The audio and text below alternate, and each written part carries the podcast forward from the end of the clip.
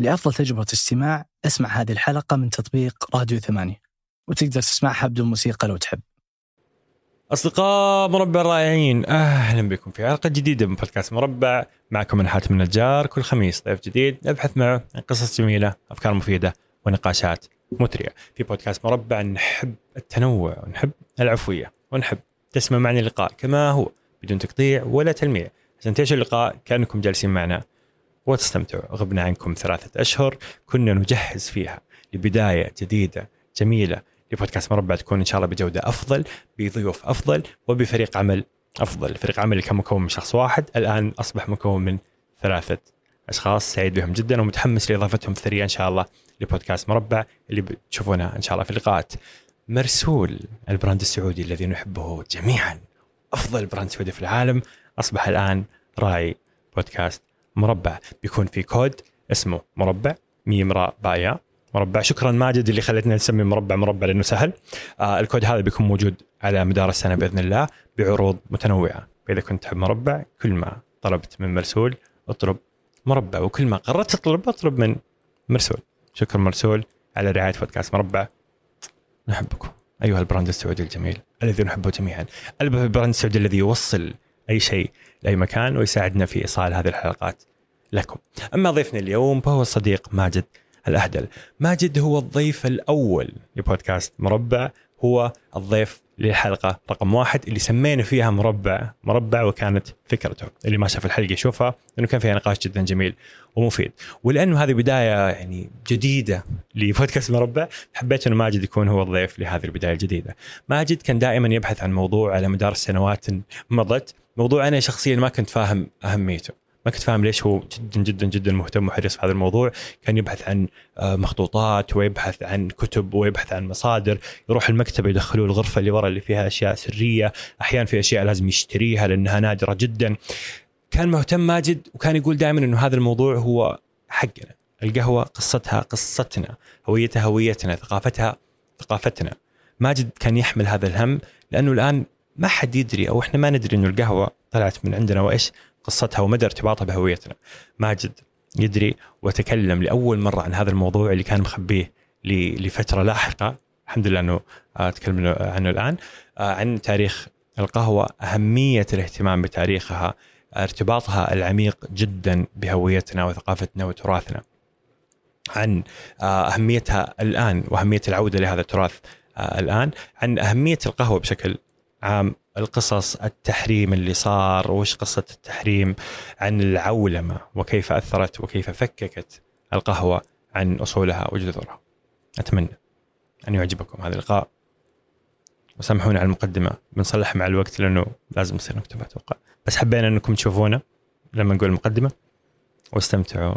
يا رفاق. أهلا ماجد. يا مرحبا. أهلا وسهلا. أهلا مجددا. أهلا مجددا بعد. هذه المرة بدون بدون صراع. بدون صراع أيوه.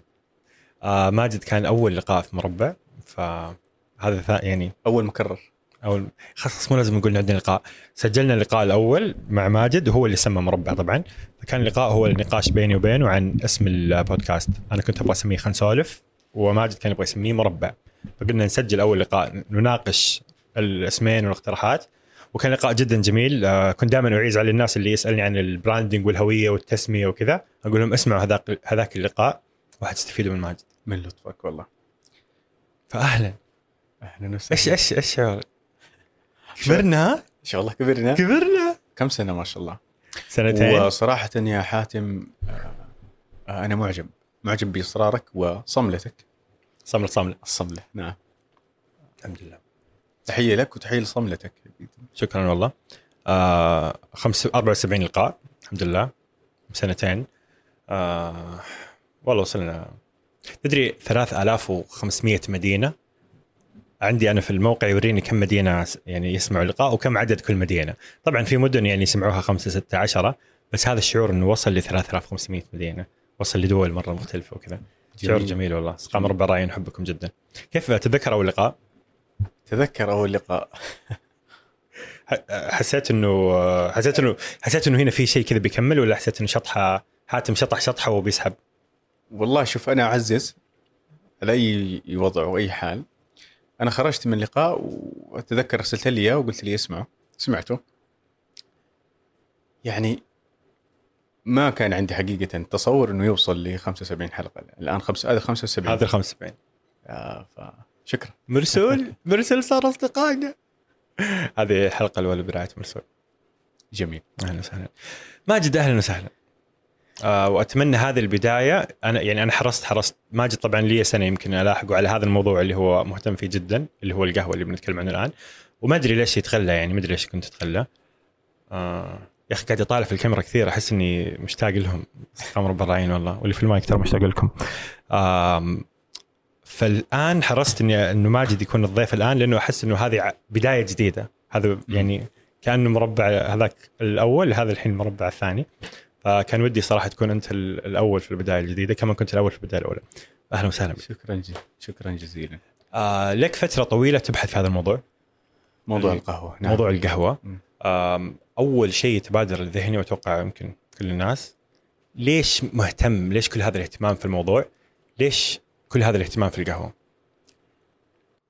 والله شوف أنا حتكلم لأنه سؤال كبير جدا وجزء منه فلسفي وجزء منه أدبي وجزء منه ثقافي وجزء منه تاريخي لكن أنا اتكلم عن الاعتبارين البسيطين اللي أنا آه، أؤمن بهم. الاعتبار الأول إنه القهوة هي منتج ثقافي عربي. من هذا الاعتبار ولجت إلى هذا الموضوع باعتباره موضوع عربي، موضوع في التاريخ العربي في الثقافة العربية. ويعالج من هذا البعد. الاعتبار الثاني هو إنه أنا آه، صارت هي يعني نازلة من النوازل، صارت مسألة مسألة واقعة. واهتمامي الشخصي بها باعتبار إنه أنا لي نسب في هذه القهوة أساسا. باعتبار يعني على أصح الروايات إنه مكتشف القهوة هو علي بن عمر الشاذلي وهذا يعتبر جدي الأعلى. هذا الموضوع تحديدا بصراحة بصراحة يعني كم حصته من الاهتمام؟ والله هو كان البداية. يعني كان آه. مجرد المدخل يعني هو كان مسألة بالمصادفة. وأنا أقرأ بعض الوثائق العائلية. آه، قرأت اسم علي بن عمر الشاذلي صاحب المخا. وبعدها بفترة وأنا أقرأ في مقالة عن القهوة آه، علي بن عمر الشاذلي صاحب المخا. لمعت فكرة قلت ما نسبة أو فرصة أن يكون هذا الرجل هو ذاك. بحثت في بعض الوثائق العائلية وجدت أنه هو نفسه هو نفسه هذا الرجل. طبعا ال- اللي يدور عليهم مسألة اكتشاف القهوة وحنيجي على ذكرهم بشيء من التفصيل. هما هم علي بن عمر الشاذي وسعيد الذبحاني وأبو بكر بن عبد الله العيدروس. وكلهم طبعا في جنوب الجزيرة العربية في اليمن تحديدا. آه هذا هذه كانت بداية المسألة بداية الموضوع. ومن بعدها توغلت في هذه المسألة باعتبار أنه هو موضوع ناعس نائم. إلى الآن ما هب له آه، أحد يجمع شمله وشتاته. طيب ليش في هذا التوقيت؟ اليوم ما يخفى عليك حاتم ولا يخفى على أي مستمع انه القهوة أصبحت يعني جزء لا يتجزأ من روتين أي إنسان. أتكلم بشكل عام ومطلق، ممكن قلة صاروا هم القليه اللي ما يشربون قهوة. ولا تدخل في روتينهم اليومي ولا حتى في أدبهم ولا حتى يعني تكلم أنت عن منتج ثقافي دخل في أدبك وفي روتينك وفي فقهك وفي فكرك وفي وصار مسألة فيها ولاء وبراء وصار فيها مسألة تقييم أخلاقي وصار مسألة ترى أخذت حيزها وتمددت في المدونات الفقهية في القرن التاسع والعاشر والحادي عشر بس مين اللي انتبه والتقط هذه ال ال ال هذه التركة الأدبية والثقافية وقال تعال نجعل لها سور ليش؟ لأنه أنت سامع بالقهوة المختصة بلا شك سامع بالقهوة. وترنداتها العالمية إيش بتعمل؟ وارتداداتها علينا كشعب عربي كأمة عربية ارتداداتها علينا جاية وكأنه منتج جديد منبت تماما عن تاريخه وعن سياقه الأول. هذا المزعج في الموضوع. هذا اللي يجعلك تقول لي يا أخي الزخم اللي حظيت به القهوة قبل لا تأتي لنا وافدة بجواز جديد. الزخم هذا إلى الآن ما يعرفه معظم اللي المؤمنين بالقهوة المعتقدين بالقهوة اللي يرفعون لواء القهوة في كل مكان وفي كل زمان. فهي كانت محاولة لإيقاظ الوعي ال- العربي تجاه هذه المسألة. أم- بلا شك من الوارد جدا إنه يأتي إنسان ويقول هذا موضوع من المواضيع السخيفة واللي ما يعني مسألة بسيطة وهامشية وثانوية والمفترض أن نهتم بكذا وكذا وكذا، أنا أعتقد إنه كل تفصيلة في التراث مهمة. كل تفصيلة في التراث مهمة وينبغي الانتباه لها والالتفات لها. اليوم لما صارت ال- القهوة مسألة عالمية مسألة أممية مسألة وجودية بل كيف ما يمكن ونحن أرباب وسادة القهوة أساسا؟ انه إنه إحنا نعلي من شأنها باعتبار إنها شيء يخصنا. ثقافتها موجودة تراثها موجود. تعرف الشيء اللي يزعج يا حاتم؟ إنه كثير من اللي كتبوا عن القهوة في يوم ال- القهوة العالمي من مؤسسات علمية وثقافية وأدبية ومحسوبة على وزارات في معظم الأحيان معلومات عن القهوة ضحلة جدا جدا جدا وإحنا إلى اليوم ما عندنا واحد مركز لأبحاث في دراسات القهوة. ليش؟ لأنه فعلا في شعور جمعي بأنه هي منتج خارجي. يعني القهوة اللي إحنا نعرفها يا عرب هي القهوة هذه المحوجة البسيطة اللي تغلى في دلال وببساطة وسذاجة وما يشربها إلا يعني صيغتها يعني تخيل انها صارت صارت مفرزة ثقافية بحيث إنه اللي يشرب هذا النوع من القهوة هي قهوه من شجرة واحدة ومن مورد واحد. القهوة العربية اللي في نعم اللي في الدلال هذه صارت, صارت صارت هي هذه حقت للناس ناس. المعينين ولا اللي مو مو كول مرة يعني. اللي ما هم كول. أيوه وقهوة أخرى ثانية للناس الكول والناس المحترمة والمعترف يعني بثقافتها ونباهتها وجديتها العملية و... في جزء كبير من الرسمة اللي دخل في هذا الموضوع العولمة ضربت القهوة. يعني أنا أنا لما أتي أشوف ال- ال- ال- السير الزمني للقهوة أتفاجأ إنه من حصة 100% لدولة واحدة محتكرة تصدير القهوة للعالم اللي هي اليمن. بداية القرن الثامن عشر الميلادي هوت هذه النسبة إلى 1% أنت متخيل طيب إيش اللي يجعلها تهوي من محتكر المورد الوحيد والحصري للقهوة في العالم؟ إلى نسبة تصدير 1% كم كم مدة الاحتكار هذا؟ أنت تت... أنت تتكلم من يوم ما نشأت القهوة. يعني متى نشأت مئات القهوة؟ السنين؟ لا لا ما تجاوز يعني تقريبا إذا قلنا إنها عام 1000 هي عام 800 اكتشفت تقريبا في هذا الحدود. بالهجري طبعا. أي نعم بالهجري إلى 1000 تتكلم عن 200 سنة. طبعا ما ما صارت تصدر بكميات إلا اواخر آخر 60 سنة من قبل الألف يعني. ثم بعد ذلك هوت هذه النسبة إلى طبعا أكلمك عن قوى عالمية. يعني أكلمك عن تهريب حبوب أكلمك عن سرقة شتلات أكلمك عن. هي مسألة ما كانت بهذه البساطة. يعني لمع في سماء الجزيرة العربية نجم أنه هذه هنا يمكن الدولة هذه أو جزيرة العرب أنها تصبح يعني تسيطر على نوع من أنواع التجارة العالمية. يعني في سياسة في الموضوع. طبعا بلا شك. طيب حنيجي حنيجي حن- حنيجي للمشاكل هذه. بعدين القهوة أنا أحيانا أشعر إنه هي شيء موجود دائما في حياتنا جميعا بس في نفس الوقت موجود بقوة وبقوة وفي حمول ثقافية زي ما قلت هذه القهوة لها معنى كذا وشارب هذا القهوة يعني كذا آه، وفي حتى بعض الأعراف والتقاليد عند القبائل نعم. آه، الفنجان الأول له هو الثاني ومدري إيش بس في نفس الوقت كذا إحنا متغافلين عن هذا الشيء ال- ال- الضخم الموجود وكأنه شيء عادي. كأنه شيء عادي. صار- شوف دامها دخلت في في ال- المعتاد والمألوف والإلف حجاب. كثيرين يعبروا أنه الإلف إلف العادة حجاب. يحجبك عن الإحساس بزخم هذا التراث اللي أنت واقف عليه. أنت محظي أنت في يوم من الأيام كان ينظر لك بأنه أنت أنت تستطيع ضرب الكيف العالمي المزاج العالمي. يعني وثائق وقفت عليها لملك بريطانيا يستجدي شحنة من البن من إمام اليمن. وقتها كانت اليمن مغلقة ويعني عليها نظام متسلط. أي يعني بهذه الطريقة يحاول سماحتكم وفضيلتكم ونيافتكم ونحتاج بس يعني تيسروا لنا مسألة شحنة بن كذا نعدل بيها أمورنا السياسية ونفهم إيش صاير. الله. يعني أنا ما ودي أدخل في هذه التفاصيل هي حتيجي مع الكلام. بس قصدي؟ انت أنت ملاحظ معي ال- ال- الغفلة هذه؟ هي حاصلة. ضخم الموضوع ضخم ترى. ترى حاصلة في أشياء. أنا أتكلم إذا جينا مقارنة بموضوعات أخرى القهوة يعتبر شيء سخيف جدا. لكن لو جينا نتكلم على على هويتك العربية جينا نتكلم على لغتك العربية جينا نتكلم على أدبك العربي شعرا ونثرا فاهم يعني في غفلات كثيرة. غفلات كثيرة. فهذه بس ال- ال- الوحدة اللي ما عليها مؤاخذة. يعني أيوة، عارف؟ أيوة، أيوة. ما راح تصطدم بجدر كثيرة. فلقيت إنه موضوع آه لطيف. يدخل فيه الأدب يدخل فيه الفقه يدخل فيه الفكر يدخل فيه الثقافة التاريخ. وهذه موضوعات أحبها. جميل. طيب آه، قصة ال- القهوة النشاه طيب. في القصة المشهورة حقت آه، إثيوبيا. خليدي. بعدين في قصة خليديا بعدين في قصة خليدي. خليدي عفوا. إيه. آه خليدي هذا صاحبنا هاي خليديا بعدين في قصة الموكا والمخا وما ادري إيش. إيش قصة القهوة؟ حكيني. كان في زمن ما في قهوة بعدين صار في قهوة. إيش صار؟ هو ال- الإشكال أنا ح... وخلينا على. قصة القهوة. قهوة؟ فنجان قهوة. طيب. آه، موضوع القهوة آه، يعني بدايات نشأة القهوة يكتنفها الكثير الكثير الكثير من الغموض. يعني ما هي إلا مقاربات ومحاولات أنه أنت تكتشف بس يعني مسألة أول أرض نشأت آه، نبتت فيها القهوة هذه مسألة من الصعوبة بمكان تحديدها بشكل معظم الناس يقولوا أنه هي إثيوبيا. يعني هذا صار هو الرأي السائد خلينا نقول هو المتعارف عليه أنه أصلها إثيوبيا. وإن كان هذه النقطة في حد ذاتها متنازع عليها في القرن الأفريقي يعني الصوماليين آه، يشككون في هذا ويعتبرون أنه لا أرضهم.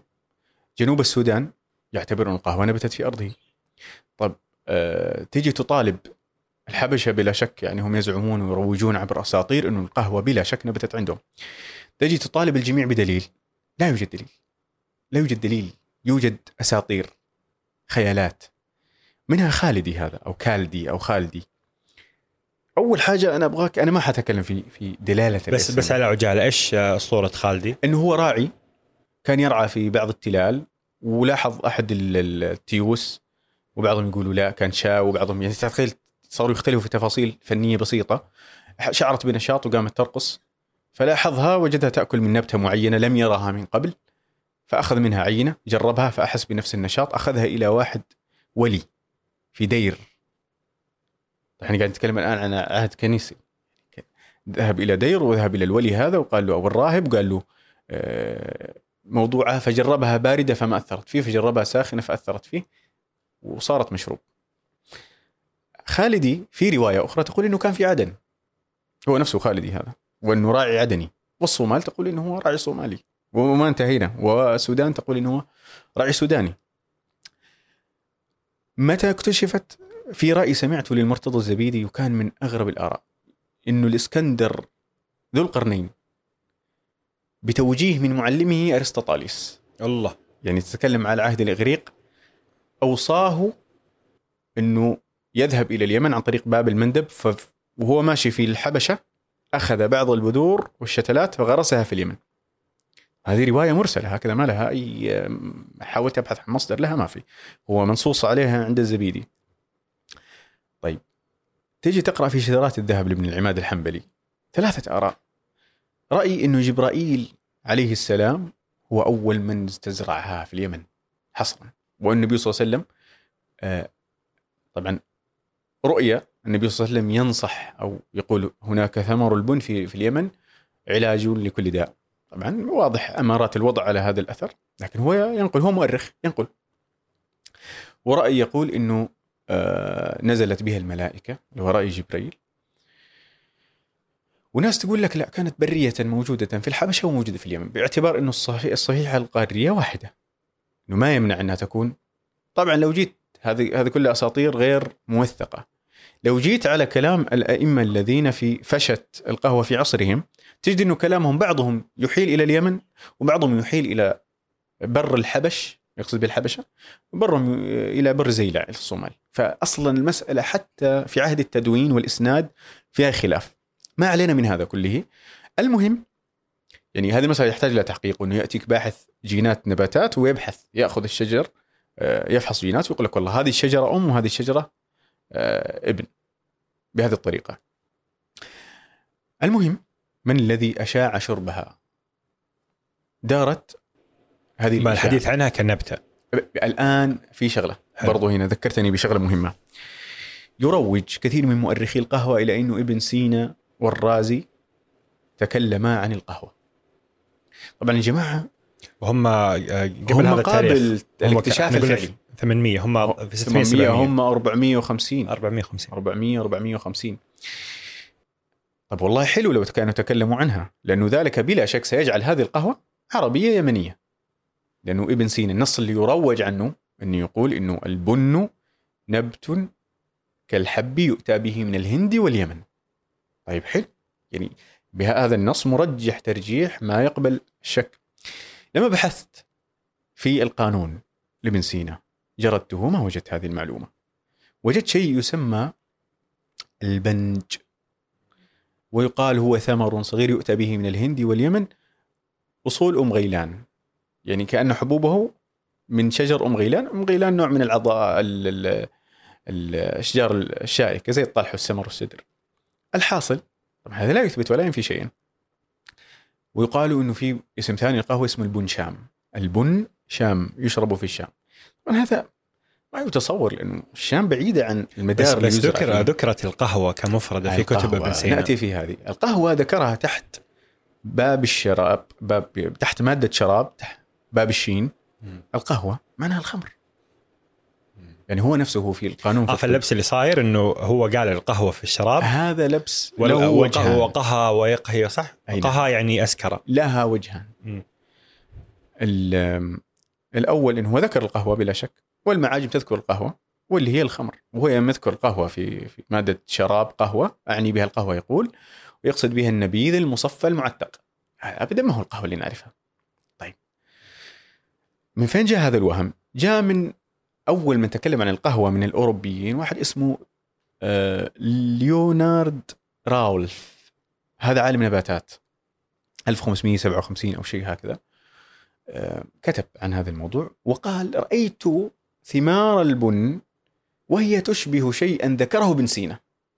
والرازي في لأنه وقتها كانت ترجم الكتاب إلى من ال- هذا اللاتينية. مادة, مادة بانج وبانجا اللي هي البنج اللي كانت مكتوبة. هكذا أوردها هكذا وقال كأنه هو. بس القهوة لما اكتشفت وشربت الآن سميت قهوة على اسم الخمر. صح؟ على اسم الخمر انه نعم. كان لأنه- آه، القهوة أحد أسماء الخمر المشهورة. أي نعم. ولأنه لها نفس الخاصية من حيث أنها تقهي عن الطعام فاستأنسوا بها.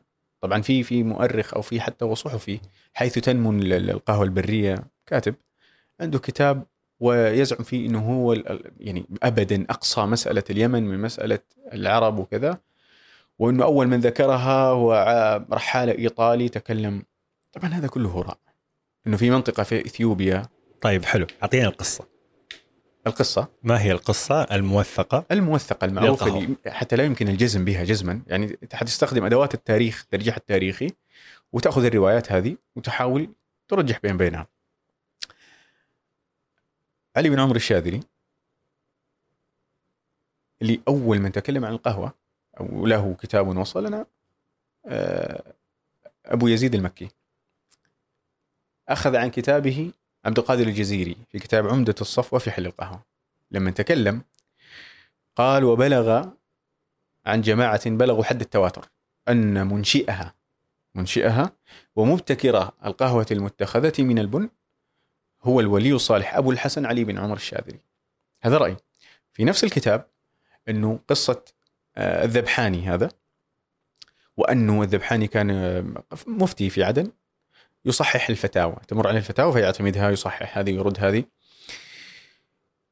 فكانت له سياحة لبر العجم فرأى يقال هكذا فإنه رأى أنه الناس يتخذون شرابا يشربونه كل يوم ولم يجربه فعاد إلى عدن فمرض فاتخذ له من هذا الشراب فبرئ من مرضه. طبعا نفس المتن متضارب إنه راح وما جربها لكن لما رجع وجدها الذبحاني هذا متأخر. مات آه، الشاذلي عام 821 هجرية تقريبا. الذبحاني بعده ب 30 سنة توفي. أبو بكر بن عبد الله العيدروس صاحب عدن. هذا يقال إنه هو متخذ القهوة البنية. دائما هكذا. إيش يعني القهوة البنية؟ متخذة من البن. بمعنى إنه علي بن عمرو الشاذلي قهوة القشريه وأهل الجنوب السعودية وأهل اليمن إلى زمن قريب كانت القهوة السائدة عندهم هي قهوة القشر. آم، البنية؟ البنية هي أبو أبو بكر بن عبد الله العيدروس ذاك يسمون القهوه السوداء القهوه البكرية. هتسقني قهوة بكرية فضحت حلو المدام وروق للفناجين تدعو إلى نحو ما فيه النجاة وإن دعت إلى نحو ما فيه الفناجين. يا ربة الحسن حلينا حماك فإن نطلب فإن نسأل فجودي وإن نطلب فناجينا لو أن ألفا أحاطوا نحو س- حول ساحتها قصد النجاة رأيت الألف ناجينا. مم. الفناجينه هو كان إيه؟ الفناجينا ناجينا وال أربع أربع مرات كل واحدة كان خمس مرات، نعم. خمس مرات. جميل. أيوه ف قهوة بكرية. قهوة بكرية البنية القهوة السوداء. البنية السوداء. مم. جميل. طبعا قال إنه عمر الشاذلي كذلك آه، اتخذ قهوة من البن. شو المسألات هذه المسائل هذه التفاصيل الدقيقة فيها حتتعبك كثير في إنك تحصرها. رواية جدا متشعبة. المهم إنه مدار هذه القهوة على هؤلاء الثلاثة. كانت في اليمن وتشرب في مجالس الذكر. هو اللي يقال إنه أول من أشاعها بين تلاميذه علي بن عمر الشاذلي واتخذوا لها مجلسا يذكرون الله فيه فتنشطهم وتقوم بالعبادة. من هنا بدأت فعلا تشرع عن القهوة كمشروب بعيدا عن الطب. كمشروب يتخذ لغرض. في المجالس. في المجالس. وطبعا لهم ترتيب. والترتيب هذا مذكور. وإلى قريب يتخذ. حنرجع. للترتيب. في بداية القهوة كان في ناس تأكلها أكل. أي نعم. إيش يعني متى متى بدأ الفصل؟ متى اتخذوها أكل؟ متى اتخذوها شرب؟ أنت لو جيت فعلا خلينا نأخذ الرواية السائدة. إنه موجود في الحبشة. فكان أهل الحبشة يمضغون.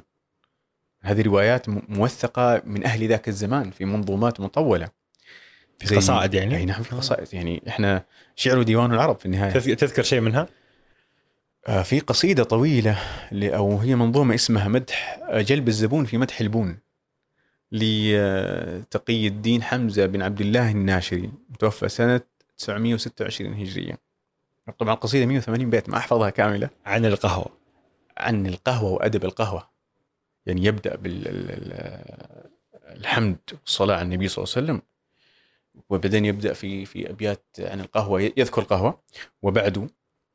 فهذا النظم للبن مبدع مبدع آه، فحاذر آه، ماني فاكرها حاليا لكن فيها أبيات كثيرة ولا تأكلن الايش وكل البن لا تعدل ببنك تنبلة تنبول به آه، لتعلو به فوق الأنام وتقبل ولا تأكلن القات رطبا ويابسا فذاك مضر. آه، دأبه فيه أعضل. القات القات نعم. آه. وهذا حنيجي على المسألة لو كان في قبل القهوة البنية والقشرية قهوة قاتية. آه فهو كان يعني يوصي و... نعم. ويحذر من القات أي نعم. لا تأكلوا آه. قات اشربوا القهوة. طيب. آه، وش ذاك مضر آه، داؤه فيه أعضل. ولا تعدلا بالبن في النقل النقل هو المكسرات ولا تعدلا بالبن في النقل فستقا ولا بندقا كلا ولوزا وفوفلا ليش؟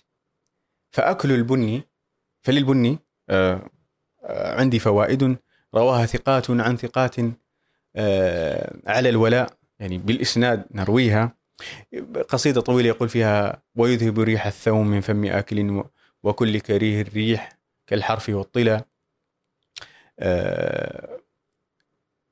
يقول آه، الله ال- القصيدة يعني ت- تذكر طيب أجزائها يعني؟ هو يبدأ يبدأ أول شيء بالصلاة يعني هدف. القصيدة إيش كان؟ 180 بيت وعمودية. 180 بيت على نفس القافية. أي نعم على نفس القافية ويمدح فيها البن. وكيف تأخذ البن؟ وكيف تأكله؟ وكيف تنظفه؟ وكيف تخزنه؟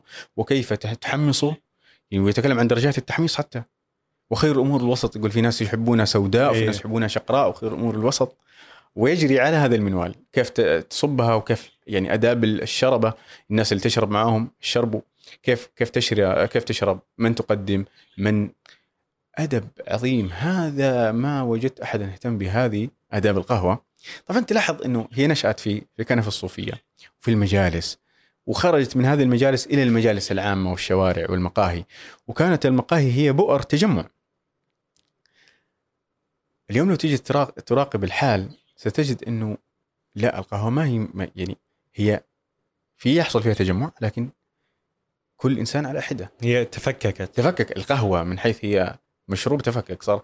طبعا هذه هذه لوازم الحداثة. التفكك ال- ال- العام أصلا يعني نعم. للسيولة كلها. ال- العالم يتجه إلى فردانية مقيتة. فوافقت القهوة هذا الصعود العالي للرأسمالية والعولمة.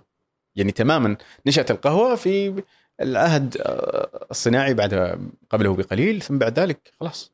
هي صارت سلاح راسمالي أساسا قهوة الغزو. طيب ال ال- جلسة القهوة كان لها جلسة ولها طقوس. أبغى أسألك عن التحريم وقصة التحريم وأتوقع الطقوس اللي صارت في الجلسة أتوقع أنها مرتبطة في التحريم. فوصف لي إيش كانت آداب شرب القهوة آه، قديما.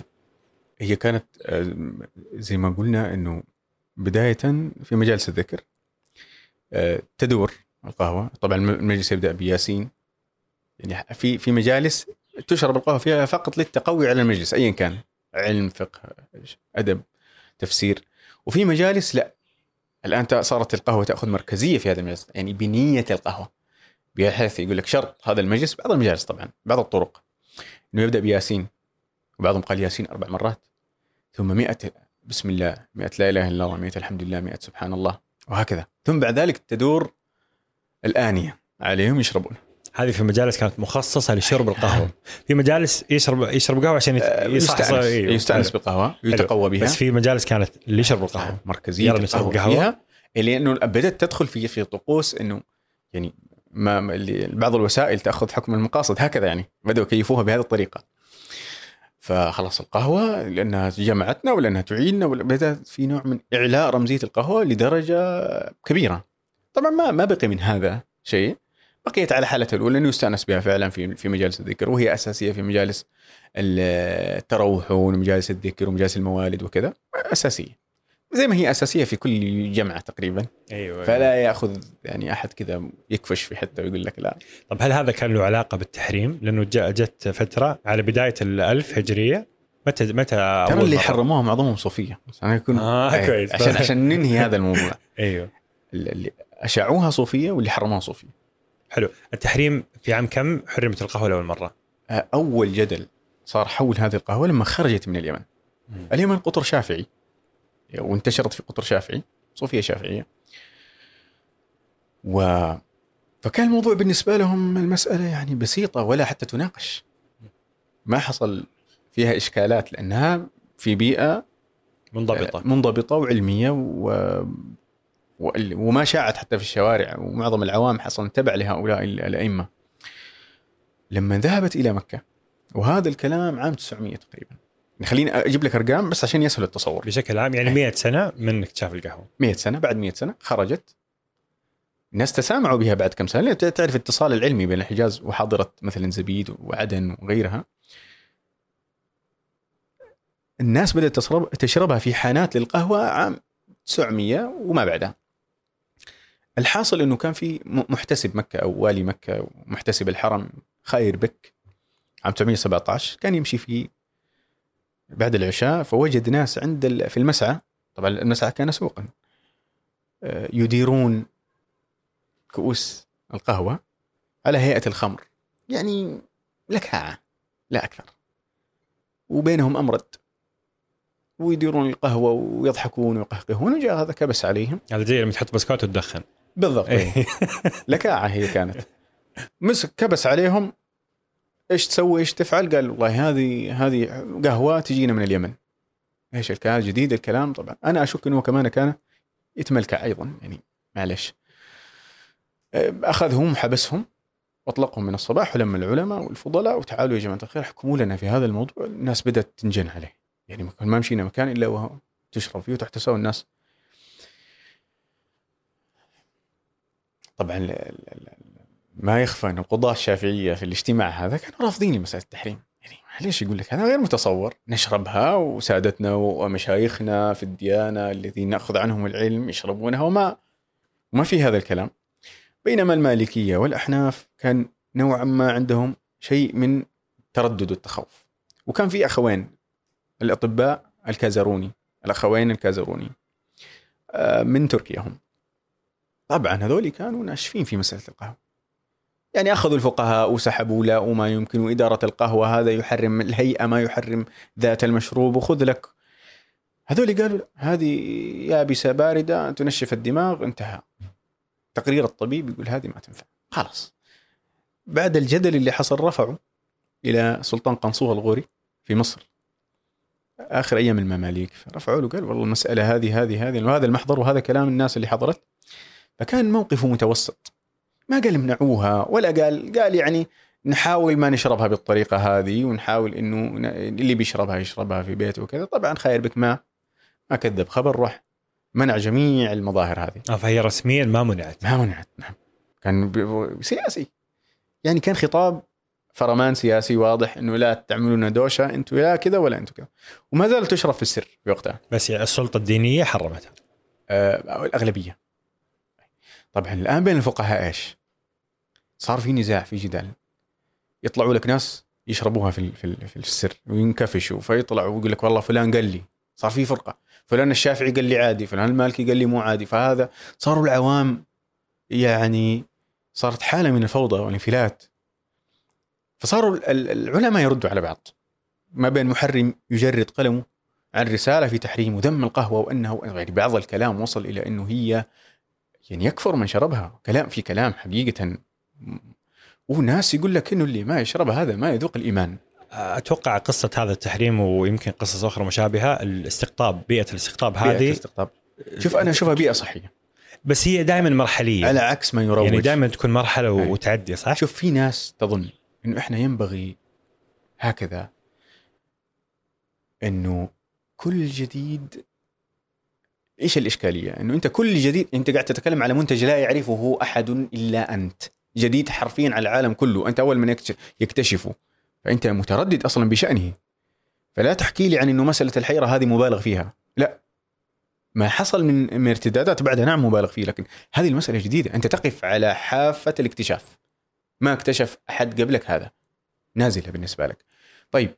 في ناس يقول لك لا كل هذول العلماء متزمتين وأفعل ما تفعل لو أنهم اليوم يا حبيبي هي تطور طبيعي ولابد لابد يأخذ هذا المسار. وهو يتكلم اليوم اللي يقول هذا الكلام تلاقيه إنه هو يحتذي بقدوة مثال معين سابقه. سابق عليه آه، يعني. تحريم الآلة الكاتبة تحريم الجوال طبعا تحريم هذه هذه أيوه. تختلف عن هذه لكن نتكلم عن يعني هذه أثبت أنه هي نافعة بلا شك بلا هذا موضوع آخر. بس فيها هذا عامل الجديد في انه إنه المسلمين دائما راجعين ومتاخرين والعلماء هذول متزمتين وكذا. هذا كلام أنا أشك في أصلا في منهجيته العلمية من حيث إنه أصلا في ينطوي على مغالطة كبيرة. مو موضوعنا. 917 فحرمت. حرمت. حلو. في مصر؟ طيب ينطبق علينا الكلام ما ينطبق علينا الكلام؟ ما ندري. في ناس تشربها في علماء يردوا صار مسألة أدبية فقهية تدور يعني ما وسلطة يعني عين السلطة أحيانا تغفو على هذا الموضوع فيرجع الناس يفتحوها يمارسوها ببساطة. ثم بعد ذلك يقوم لك فقيه اللي واعظ ويشيش الناس عن الم- المسألة. زي اللي حصل لي آه، ابن عبد الحق. طبعا حصل نزاع في مكة وقامت الناس ثم انتقل هذا النزاع إلى مصر. ابن عبد الحق السنباط الشافعي كان له رأي متزمت في هذه المسألة. ومرة من المرات وقف في جامع وكان عنده حضور وذم القهوة وذم صاحبها وشاريها وبائعها وخازنها وثاروا بعض العوام وخرجوا من المحاضرة هذه كسروا المحلات وضربوا اللي يبيعون القهوة والناس شغالة مساكين يعني. أيوة. قامت الدنيا وثارت وأمنع ما تمنع كسب صار في عندنا فريقين من العوام. يعني وصل وصل النزاع إلى أنه يذمون يعني آه إن أقواما تعدوا والبلا منهم تأتى. حرموا القهوة عمدا قد أتوا زورا و- وإفكا. إن سألت النص قالوا ابن عبد الحق أفتى. يا أولي الفضل اشربوها ودعوا ما كان إفكا. آه ودعوا العذال فيها يشربون الماء حتى. وقبله كان في واحد اسمه آه، أبو عبد الله الخطيب. نفس الفكرة. معركة من المعارك وقاموا العوام عليه. قالوا ال- البني حرمت فاشربوا قهوة العنب. واسكروا وعربدوا والعنوا من السبب. واحد ثاني يقول آه، قهوة البني هذا حرمت كان ناقم على التحريم طبعا. طبعا. هو يقول لك على كيف؟ وهو قهوة البني حرمت فاشربوا قهوة قهوة. العنب.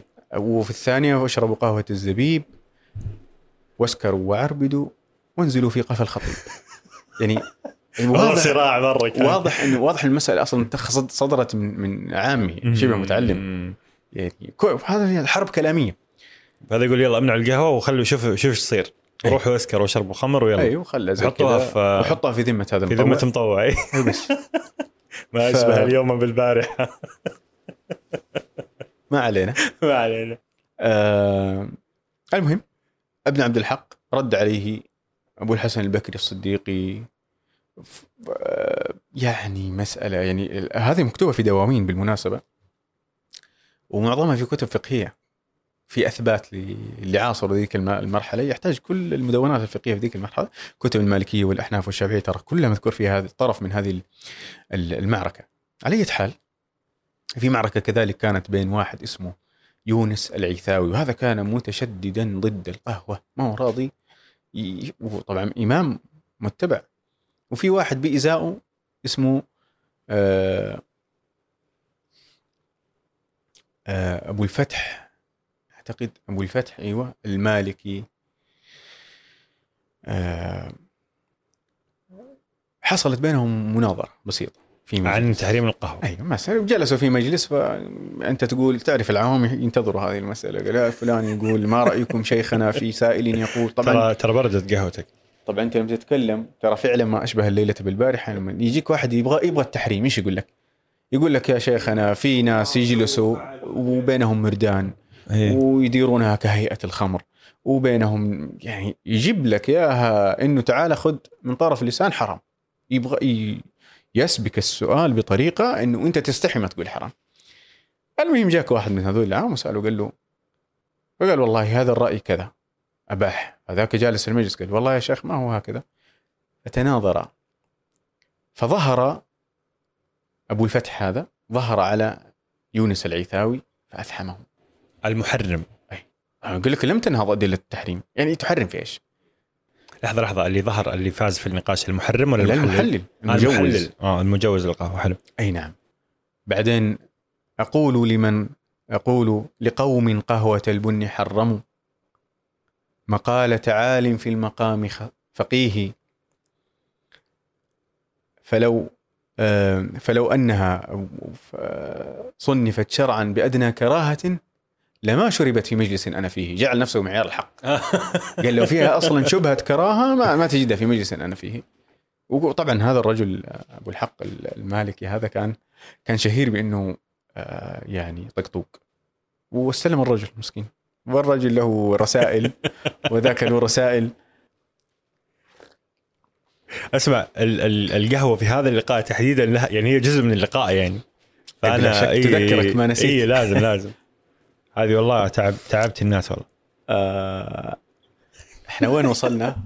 إحنا وصلنا إلى إلى إلى تقريبا مناظرات أبو الحق. 937 900 مات آه، رحمة الله عليهم جميعا. آه، ابن عبد الحق السنباطي مات بعده العيثاوي مات بعده الأمور رجعت كما هي.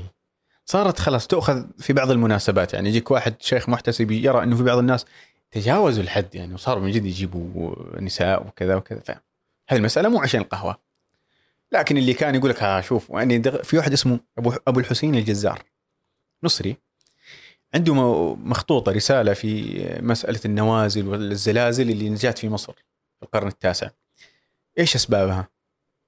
اسبابها الناس اللي في المقاهي هذول اللي ما يخافوا الله.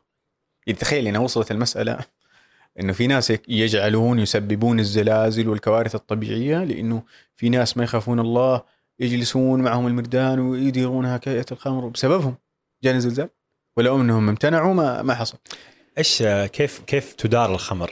يا أنا ما أعرف عموما لكن أيوه أيوه بس هم يعني يصفونها؟ كيف إنه تتساكر هكذا وتتمايل ثم ترقص ثم تجيب المردان ثم آه. ي- ثم تصبها ثم تأخذها وتبدأ. تغيب نفسك عمدا يعني بهذه الطريقة. أيوه أيوه أنا أنا فهمت إنه يدورونها يعني يكون في مثلا كوب واحد يدور بينهم. بس يعني ال- القصد هو يعني التمايل أي يعني التمايل في الشرب وكذا. يشربها آه، كذا و... يعطيك الجو كذا يعيش جو. إيه. هذا يقول إحنا واحد أتذكر ابن حجر كان يقول شرب ولو أن المصائب ماء مثل. شرب الفناجيل. يقول لو ان ولو أن ترى كذا بيتعبك كذا المونتاج عيب صح؟ بيتعبك المونتاج أصلا ما راح أقص شيء. إيه. okay. ما راح أقص شيء. إيش فيك؟ ماجد. طيب ما آه. ينقص شيء. آسف شد حيلك. آه ما أنت سيبني أفكر لأنه لا والله. لا لا تستمع اللهم طيب. صل على سيدنا وصلنا إلى محمد. 950 لا. مم. كان عندي مسألة. اللهم صل على سيدنا محمد. آم، طارت. طارت. بترجع إن شاء الله وأنا. آسف سامحني. شوف أنت أنت طلعت من اللقاء لما حسبت إني أبغى أبغى أقص. بس ترى ما راح لا لا لا ما حتقص بس راعي ما في راعي. لن نقص شيئا. بودكاست مربع بالنقطة المية شرب المصايب مثل شرب الفناجيل. والله لو شرب العفوية مثل شرب الفناجيل. طيب صار النقاش وصار الجدل وصلنا ل 950 متى بدأ؟ آه يبهت الموضوع. متى صار له قبول اجتماعي. يعني وصلت لمرحلة من التمدد بحيث إنه لا تستطيع أي سلطة لا دينية ولا سياسية ولا اجتماعية إنه تمنع هذا المسألة. ثم بعدين كفه المحللين أو المجوزين أو اللي ماشيين على أصل الاباحه أكثر. المحرم دائما هو اللي لازم يأتي بالدليل بدليل التحريم غالبا يكون ضعيف في هذه المسائل اللي مجربات الناس بتجربها بتشربها. آخر حاجة وصلت لمرحلة إنه قاضي القضاه اللي في مصر جمع ال- الفقهاء وجلسهم وسو- سوى لهم قهوة وقال لهم اشربوا وأكلمكم. ساعة ساعتين ثلاثة أمورهم طيبة. فرمان بالتحليل وانتهت المسألة هذه انتهت. إنه لا, لا يسكر يعني. اي إنه ما يسكر. بعدين هي انت- هي كيف؟ انتقلت من اليمن إلى مكة منها إلى مصر عبر طلاب الأزهر أو رواق اليمنيين في الأزهر. كانوا يشربونها والناس يجوا فذاعت بين الناس في ذيك الفترة وكانوا الطلاب يجيبوا معهم الحبوب هذه ويبيعوها. ومن هنا بدأ السوق في مصر. طبعا المسألة الاقتصادية في في في القهوة تعقبها يحتاج إلى جلسة مطولة لمسألة الوثائق. لأنه دخل فيها أعلى رجل في السلطة إلى الجندي الحامية في مصر. كلهم كانوا يشتغلوا سماسرة. يعني كل أحد استطاع أنت منتج جديد أنت فاهم. كل أحد استطاع أنه يضرب بسهم في هذه العملية ضرب بسهم. ذهبت إلى الشام والشام حصلت فيها نزاعات كثيرة. يعني مثلا في واحد آه، شيخ محمد بن عراق. هذا له موقف مناهض وكان يعني يوعز دائما للسلطان إنه في ناس وتفلتوا وكذا فيمنع ابنه علي بن محمد بن عراق من أكبر الناس اللي أشاعوها في الشام. يعني الأب كان محرما ومنع لكن آه، أشاعها ابنه علي بن عراق. بعدها ذهبت إلى آه، إسطنبول. طبعا في في مؤرخ يقول أول دخولها لإسطنبول أو لتركيا كان عام 946 هجرية. عبر رجلين واحد من حلب واحد من دمشق. واحد اسمه شمس الدين والثاني اسمه حكيم. هذا مؤرخ تركي اسمه إبراهيم بجوي. يقول إنهم ذهبوا افتتحوا أول مقهى في إسطنبول. شاع امرها طبعا. نفس الارتداد أو الموجة وصلت لإسطنبول. وهاتك تحريم وهاتك ليش وهاتك. هنا كان في تأخر بلا شك إنه أنت قبلك في ثلاثة عواصم إسلامية صار في هذا الإشكال. ما علينا. بعدها دخلت إلى أوروبا. طبعا هنا في أزمة. تتكلم إحنا الحين نتكلم عن تقريبا 200 سنة.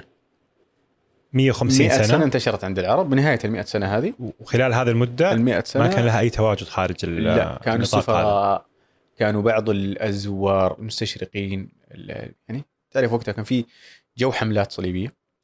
آه، بقايا حملات صليبية. ووقتها عندك آه، البرتغال اكتشاف رأس الرجاء الصالح فكرة أنه هي تريد وصلت إلى جدة وصلت إلى عدن وقصفت آه، وصلت إلى الحديدة المخا. كلهم في الاستعمار. كل هذه في الفترة 900 آه، إلى 950 هجرية. أيوه طبعا هذه المسألة عملت عملت أزمة على البرتغاليين وصلوا لليمن. على اقتصاد القهوة تتكلم؟ هنا بدأ الناس مم. ما كانوا يعرفوا من أول من شافها من الأوروبيين البرتغاليين طبعا في أسطورة تقول إنه إنه عام 900 تقريبا و30 وصلت الحامية البرتغالية أو الأسطول البرتغالي وقفوا عند المخا. فشافوا مدينة وادعة بسيطة كذا ونزلوا فيها أضافهم شيخ المخا. من هو؟ المفترض أنه علي بن عمر الشاذلي. الإشكال أنه علي بن عمر الشاذلي مات قبلها ب ما شاء الله يعني مات 821 يعني هذه واحدة من الأساطير. هو ممكن حصلت هذه القصة لكن مو مع علي بن عمر الشاذلي. قد يكون آه، رجل غيره حاتم مثلا حاتم بن أحمد الأهدل أو غيره. جلسوا شربوا كان متعب يقال القبطان. أشربه سائلا أسود دافئ. طبعا على كلام المذكرات إنه ما عجبهم في البداية بس تعرف أنا جاي بعين استعمارية العفو. يعني الموجود هات أخذوا منه ذهبوا به. البرتغاليين كانت مستعمراتهم وين؟ اللاتينية. البرازيل. البرازيل الوحيدة البرتغالية من أمريكا اللاتينية. وهذا لحاله رابط كذا حتمسك معاه خط لأن البرازيل يوم الدولة الأولى مصدر للبن الآن. أي نعم. نعم. بعدها جوك الهولنديين بعدها جوك البريطانيين بعدها جوك الامريكان بعدها جوك الفرنسيين واليونانيين. نتكلم على عام كم؟ تتكلم على نهاية ال 900 بداية الألف. 1060 1060 بدأت أصلا. دخلت هنا آه، الدولة ال- العثمانية دخلت إلى اليمن. كثيرين من المؤرخين يقولون دخولها هذا سياسي. أي نعم كان في مشكلات وأي نعم. بس فكرة إنه الأوروبيين قاعدين يعني يحومون حول منطقة معينة ودوب طالع سوق ال- ال- البن وغيره فلا بد أن وراءهم وراهم شيء. فجاءت وفعلا طردت البرتغاليين وأزمة بس بس ما تقدر تمنع لأنه حصل اشتباك داخلي. ضعفت الدولة وانتهت. الهولنديون كانوا محتلين جزائر الهند الشرقية اللي هي إندونيسيا هذه على نهاية المماليك. صح؟ أي نهاية المماليك بداية الدولة العثمانية. نعم كانت ممالكهم إندونيسيا وماليزيا وسنغافورة وغيرها الهولنديين آه، بريطانيا الهند سريلانكا باكستان بنغلاديش حلو. فرنسا ممالك ال- اللي هو الشرق اللاتينية أفريقيا فد- صاروا فدخلوا اليمن. هي دخلوا اليمن بدأوا يتعاملوا مع هذا المشروب وي- ويصدروه استوردوه لأوروبا وغيرها. نبتة. ال- الحبوب. المش... الحبوب حلو. إيش كانوا يسووا اليمنيين؟ كانوا يغلوا الحبوب قبل لا يبيعوها. طيب. عشان ما يقدروا يستزرعوها. آه. عشان ما تزرع برا. كان عندهم هذا الإحساس انه إنه إحنا الآن سننهض الآن نحتكر في هذا الإحساس بالاحتكار كانوا يغلوها. بس مو الجميع راح يلتزم بهذا. وما هي حركة يعني يقول لك هي يعني كان في. قومي قومي آه، اتفاق قومي على الحفاظ على هذا أنت المنتج. تتكلم عن مزارع متطيفة يعني ما بين شيء يعني مختلفة مو الجميع على نفس الدرجة من ال... بس كان عندهم هذا الإحساس بشكل عام أي نعم أنه هذا منتجنا هذا. وهذا أيوه وهذا قاعد بدأ يجيب لنا ذهب وبدأ كانوا يغلوا الحبوب ما تقدر تغلي كل الحبوب ولا كل الحاصل ولا يعني أيوه يمديها تطلع طبعا يعني يعني تطلع. يعني في النهاية واحدة من أعجب القصص إنه كيف دخل البن للهند؟ إنه في حاج اسمه بابا بودان حاج صوفي. حج سنة تقريبا 936 جاك نازل على ال- اليمن. إنه كانت السفن تأتي من هناك اللي تودي الهند. وفي طريقه من اليمن هرب سبع بذور. أي يقول لك وضعها في نطاقه في الحزام. خفاها أي في حزامه. وذهب إلى الهند فاستزرعها فزرعت. في, في ولاية اسمها ميسور. ومن وقتها يقول لك ذاعت القهوة صارت تزرع في الهند. بعدها ب 100 سنة الهولنديين طبعا أخذوا شتلات وأخذوا بذور واستزرعوها في جاوا. جاوا اليوم رابع تقريبا مصدر القهوه استزرعوها في سيلان واستزرعوها في الهند. البرتغاليين راحوا استزرعوها في البرازيل. الفرنسيين أول من استزرعها في في جزيرة في شرق شمال شرق ترينداد توباغو. اسمها با باتريك أعتقد نسيت اسمها. مارتينيك. استزرعوها هناك ونجحت. 18 مليون شجرة يقال. أوف. من هناك دخلت إلى أمريكا اللاتينية اللي اليوم تعتبر ماكلة سوق القهوة. فأبو هذه الشجرة شجرة مسروقة. يعني أبو هذا البن اللي في أمريكا السبع اللاتينيه حبات اللي آه، سبع حبات هذه كانت في الهند. الهند والشرق. أيوه. وهذه شتلة. آه أيوه الشتله اللي هذه. شتلة أتخذت اهديت لملكة آه، البرتغال يعني مجاملة ف- فين حطها؟ فراحت زرعتها في مستعمراتها. طبعا في شغلة مهمة. ليش نمت تجارة القهوة بشكل فاجع؟ وقتها كانت ال- الرق والعبيد على أوجها. تعال يا حبيبي البرازيل عندك أيدي عاملة ما تحصى. تعال ازرعوا اعتلوا. صارت البرازيل المنتجه الأول للقهوة. لما صارت في مطالبات بوضع تحسين اوضاع العمالة بدات الدنيا تتذبذب. يقال إنه سوق القهوة العالمي ما وصلت لهذا الترند العالمي إلا على ظهور هؤلاء الرقيق. المسألة أخلاقية. وطبعا تجد إنه مثلا في في زي اليمن مثلا لا ما اللي يزرعوه هم أهل المزارع. لذلك الانتاج الإنتاج كان محدود وفي ال 900 هذه كانوا هم الوحيدين اللي يسيطروا. بعد ما خرجت هذه الشتلات واستزرعت في مناطق ثانية حبط هذا المعدل من 100 إلى 1% من الإنتاج العالمي للقهوة. اليوم ولا تصنف اليمن في الدول اللي تنتج قهوة أصلا. يعني الكميات اللي بتنتجها حاجة يعني دواقة. مم. حاجة بسيطة كذا علينا. آه. أنا اللي اللي مستغربه هو أنه إلى 400 سنة تقريبا كان في هذا الحس ال- العربي ال- القومي ما أدري إيش اسميه آه إنه القهوة حقتنا نحافظ عليها ننميها نبيعها نشتريها. ما كان في شوف حتى الآن ما في الآن ما ندري أنا ما أدري انها حقتنا أصلا. أي. ندري نسمع المخا المخا الموكا هو شوف خلاص. هذه شوف المشكلة إنه هذه المعلومات القشرية آه المفترض إنها المفترض إنها تشرح كل شيء يعني إنه إنه من المخ ولا هذه قصة اللي آه آه أنا ما كنت أعرف إنه خلي خليدي اسمه. خليدي. أعرف قصة إنه في راعي كان عنده غنم وأكل الغنم آه، هذا النبته وصار الغنم يمرح ويسرح فهو جربها وعجبته وكذا. وخلاص بهذه البساطة. اي ترى بالمناسبة حاتم تكاد تكون قاعدة حتى في الشاهي. يقول لك إن إمبراطور الصين كان جالس يغلي الموية لأنه وقتها في تسمم مائي يغلي الموية فجأة جاءت رياح بسيطة وأسقطت كم ورقة. يعني شوف دور الصدفة في في ابتكار المنتجات. إنه بالص... طبعا إيش يهمه الغربي في مين اكتشف القهوة؟ يهمه كم عائدات القهوة. كم أستطيع السيطره على يعني ستاربكس أنت تظن إن هي مجرد سلسلة آه، مقاهي؟ لا لا هذه تلعب في اقتصاد وسياسة دول. ستاربكس هذه السلسلة. هو همه مين اكتشفها هو يكتب لك عز الله أربع سطور بداية ال chapter history of coffee يقول لك انه والله brand story اي قصة للهو لل brand لا بس. لا أتكلم عن واحد مؤرخ أيوة، غربي أيوة. مهتم و هي أربع سطور يتصدق بها عليك ويقول لك والله هي واحد خليجي وقال الحبشة وصلى الله وبارك وطلعت من اليمن وانت وقفل. أيوه لأنه ما لأنه هو فعلا كان مستورد لهذه الثقافة فما يهمه يؤرخ لها. لكن أنت أنت مو أنت مورد أنت مصدر لهذه الثقافة. أنت ينبغي ان أن تحتفل بها. طيب وجاتك القهوة بعد كم سنة؟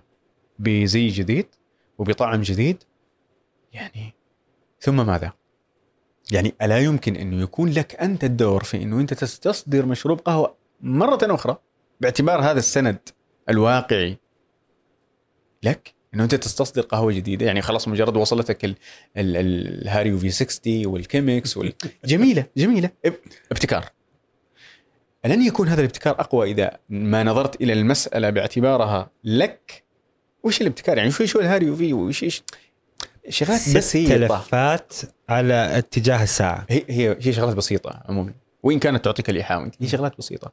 إحنا اللي نحتاجه إيش؟ حقيقه نحتاج إلى إيمان حقيقي بأنه إحنا ناس نقف على بحر كبير من هذا التراث. كثير منه يحتاج إلى إعادة نظر كثير منه يحتاج إلى إنه أنت تدخل بشجاعة. ناس كثير من يقول لك والله هو تراث شائك. على مستوى فقهي على شائك متشابكة في المسائل. هذه دلالة صحية.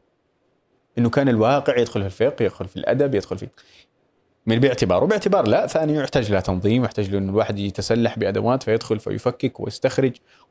والله تخرج حقيقة علم جديد وتحل أزمات مسدل عليها الستار يعني حياء وعجزا. لكن أنت تريد أن تقول للناس إنه أنا أنا عندي أو أريد فعلا أعيد مجد القهوة. أنا مبسوط كثير بمسألة ال- الاستزراع اللي قاعد يحصل في الداير القهوة السعودية. في اليوم اتجاه إلى إنه نعتني ونهتم بالزراعة ونشجع المزارعين وغيره بس جميل يحتاج إلى كثير من التقنية ويحتاج إلى كثير من التمويل بس في نفس الوقت تاريخ القهوة بالتوازي المفترض. يعني يكون في تاريخ القهوة الواحد يتكلم عنه باعتبار إنه مركز أبحاث دراسات القهوة. والله سيخرج العجب العجاب العجب العجاب على مسألة بسيطة أنت قاعد تتكلم عن على قهوة حاجة هامشية عز الله قهوة يعني. عز الله كوب في الصباح. وأنا أقول لك لما تقول عز الله كوب في الصباح يعني هذا اعتراف ضمني إنه أنت يعني أساسا خلينا نقول لك معلش الكلمة إنه كلنا أرقاء لمشروب يعني مرتبطين. أنت متخيل حاجة؟ مرتبطين. أنت متخيل حاجة إنه القهوة حازت على اهتمام فقهي وأدبي ما حازه الماء؟ يعني الماء اللي هو سر حياتك ووجودك وبدونه تعدم وبدونه تتلف وبدونه وبدونه. قهوة دخلت في شقاق ونزاع فقهي وفي الأدب ودواوين و... اليوم لو جيت تحلل ببساطة على الإنترنت كم مرة ينشر فيها صورة قهوة كم مرة يكتب فيها قهوة؟ أكثر من الماء بلا شك. اي طبعا طبعا. يعني طب هذا التوجه إيش سره؟ في سر ترى. أنا وهذا اللي هذا اللي قلت لك في البداية كلنا قاعدين نتعامل مع هذا المنتج مع هذا المشروب بشكل مكثف يومي وله دلالات وله حمول بس ال- القصة إيش إيش القصة؟ القصة هذه القصة حتخلي كل واحد يرتبط. طبعا في مشكلة حتواجه أي واحد قال قرر من الليلة إنه يرتبط مع هذا المنتج وهذا منتجي. ما في مراجع ما في مصادر. ما في مراجع ما في والموجود قديم. أعرف كذا شخص آه، من الشباب النابهين قاعدين يشتغلوا على مشروعات تخص القهوه وأشد على أيديهم تماما وأنا مستعد أساعد الجميع. حقيقة أقولها. وأنا مس... وأنا أحتاج إنه يساعدني أحد. الموضوع ما يحتاج له جهود أفراد لأن المسألة أكبر. تحتاج جهود مؤسسات. مركز أبحاث القهوة العربي مرح... يا عم سيبك من العربي مركز أبحاث القهوة. كل العالم عنده. بس بيعال- بيعاملها باعتبارها هذا المركز اللي إحنا- ربحي زراعي. ال- اللي ما هي القهوة المختصة؟ هي القهوة التي تحوز على تقييم على تقييم 85 كذا كذا. من مين؟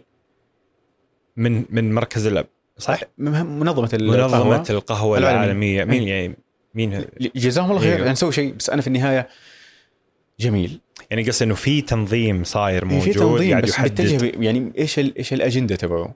هو تنظيم تجاري. لمسألة سوق واحتكارات آه، ومزارع وهكتارات محجوزة لأسماء وشركات وغيره بعيدا عن هذا هذا ما ينتج ثقافة هذا ينتج ع- طبقة كادحة ينتج عم- عمال ينتج أرقام بالأطنان وإيرادات وغيره. لكن ما ينتج لك حقيقة تراث ولا ثقافة. بل اليوم يعني صار في انحطاط لمستوى حتى الأدب المقترن بالقهوة. يعني صارت مثار سخرية. القهوة الساخنة والطقطقة حقت يعني ربطها بشكل معين بال- بالثقافة وغيره. الربط صحيح. يعني الربط تاريخيا صحيح. إيوه المق- المقاهي والأدب كان في تلازم عند- تلازم عند شديد العلماء. بينهم. نعم. ولما دخلت فرنسا ما كان يحضر. هذه المجالس الا الأدباء والعلماء. طبعا ما أحكي لك عن نابليون عن آه، فولتير. كان مدمن قهوة. ما أكلمك عن الفقهاء ما أكلمك عن الأدباء ما أكلمك عن الأعمال الأدبية اللي اللي أنتجت في مقاهي وأفكارها أنتجت في مقاهي. ما هذا هذا موضوع في حد ذاته. ما أكلمك عن الثورات اللي قامت. آه، الثورة الفرنسية يقال إنه خرجت من مقهى. يعني كان في كذا كم رجل. علاقة المقهى بكل شيء حولك هي مش يعني لها سر هذه النبتة هذا الكوب إنه يجمع حوله ناس. اللي هو كيفية. تجد إنه يجمع حوله طبقات. مثقفين جلسوا مع بعض علماء جلسوا مع بعض طبقة كادحة جلسوا مع بعض. ما تقول لك لا. القهوة مداها إنساني وجودي عالمي بلا شك. آه راحت النقطه يا أخي هذا الذريعة. يعني ليه؟ كيف صارت؟ كيف ليش القهوة إيش إيش قوة القهوة هذه؟ إيش اللي يمنح القهوة؟ هذه القوة اللي تخليها آه، لها حمولة ثقافية، حمولة اجتماعية، آه، أداة للجمع، أداة للتنويع والله آه، ما ما أنا أنا كذا عندي عندي زعم خاص بي أعتقد شوف الشاي منتج يعتبر موازي للقهوة لكن ما حظى بهذا الاهتمام. ليش؟ أنا أعتقد إنه لأنه اقترن بداية بنشأة عربية نشأة كثيفة. وبعدين دخلت في الممارسة من البداية. قهوة. دخلت في الاجتماعات في الجلسات حتى لما ذهبت إلى إلى الب- ال- البادية البدو لما استخدموها. تحولت هكذا في لمحة بصر إلى مركز الكرم والثقافة والضيافة وإنه إذا فنجانك المردود فنجانك ارتبطت بعادات وارتبطت ب مباشرة تحولت إلى مركز. مم. وتذم إذا ما قدمت فنجانك باليمنى واذا وتذم إذا ما شرب فنجانك وتذم قهوه تحولت إلى صارت. لغة يعني. صارت لغة صارت صارت تعرف وجه يعني بمعنى قد تخسر مكانتك الاجتماعية بسبب فنجان قهوة ليش ارتهن لها هذا العربي؟ ليش العربي قال لك أنا أضع فعلا أنا أرتهن إذا ما شرب فنجان أنا ضاع ضاعت مني شيخة ليش ارتهن لها؟ أنا ما ما أشك في انه كونها نشأت في هذه البيئات بطريقة غير واعية بطريقة غير مدونة غير موثقة هي مشحونة بهذه الدلالة. اليوم إيش يسمون ال- البادية إيش يسمون القهوة؟ شاذليه هم يعرفون الشاذلي عاتق بن غيث البيادي رحمة الله عليه في كتابه نسب حرب. يقول وكنت أسمع يعني من كبار بادية حرب. الفنجان الأول يسقونه الأرض ويقولون إيش؟ الروح الشاذلي أو مم. لروح الخامري وكان أيضا من المتصوفة. مم. والله لا يعرف الشاذلي ولا الخامري ولا بس تقليد يعني صار. تقليد. ليش؟ هو الرجل اللي راعي لمزاجنا. وحتى في بادية الشام كان الفنجان الأول صب الأرض ليش يقول لك روح الشاذلي. الأول لك والث... آه، الأول آه، لا, لا الأول هذا حق ال- ال- الصباب مثلا. أيوه. الأول طبعا آه أيوه أيوه. يسقي الأرض ثم مم. يصير الأول. بعد هذا حق روح الشاذلي مثلا. هذه موثقة ومدونة. بل ربما أنا أنا أنا أنا قد شفتها بعيني عند عند عند قبائل نعم قبائل الحرب لا لا ما ما شفت عند قبائل أيوه. أيوه. شفتها عند قبائل معينة قبائل شمر أظن لهم تقاليد ما أدري إذا شمر فقط أو لا بس إني أذكر إني شفت آه، تقليد عن آه، الانتصار للمظلوم إنه مثلا يوضع إذا صار في مثلا حالة قتل أو. شيء الدم آه. يوضع من يشرب فنجان؟ يوضع فنجان في نص إيه. المجلس واللي يشربه فهو اللي بي- بيجيب إيه. الحق وكذا فنجان. في هي ثلاث فناجين يسموه فنجان الهيف وفنجان الكيف وفنجان السيف. أيوه. هذه عند شمر ولا عند أي- كل العرب. حلو. تقريبا هي ثقافة عربية. إيش إيش فكرة التقليد؟ فنجان الهيف الشفطة. يعني الآن أنت يعني شوف إحنا برضو منفصلين عن سياق إنه ترى أول القهوة اللي كانت تصل إلى البادية من اسوء أنواع القهوة. تحتاج إنك تضع مع الهيل والزعفران والقرنفل والزنجبيل حتى تصبح مقبولة. آه هذا بسبب رداءة البن.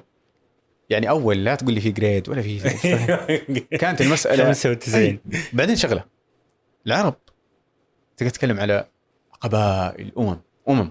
في الجزيرة العربية فقط. هل وقتها أصلا كان إنتاج اليمن يكفي؟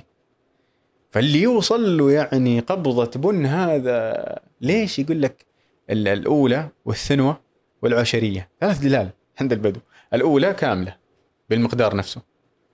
فتجيك حاذقة وطعمها فيها الثانية نفس الكمية من البن يضاف عليها ماء تغلى مرة أخرى العشرية ثالثة طب ليش؟ تقول لك ليش؟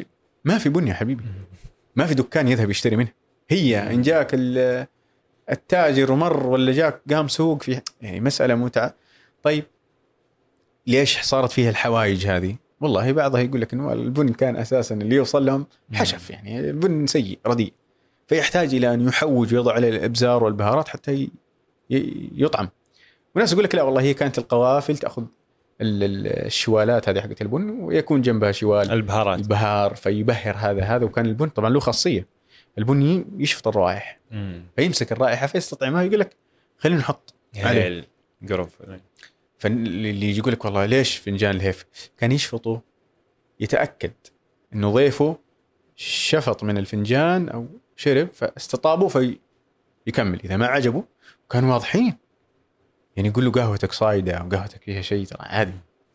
المساله واضح يعني عادي. اي البن بيخلص يعني مو محسوبة. القهوة يعني. وغير كذا أنا ما بتغصب شيء وبعدين فيها كمان تدخل في وجهي وأنا ما وقصص طبعا هذا الباب في قصص عند البادية طب هذا. الأول. آه، وال- والثاني. لأنه الثالث للسيف انها يعني تقليد عجيب يعني. يقال إنه يشرب اللي يشرب فنجانك.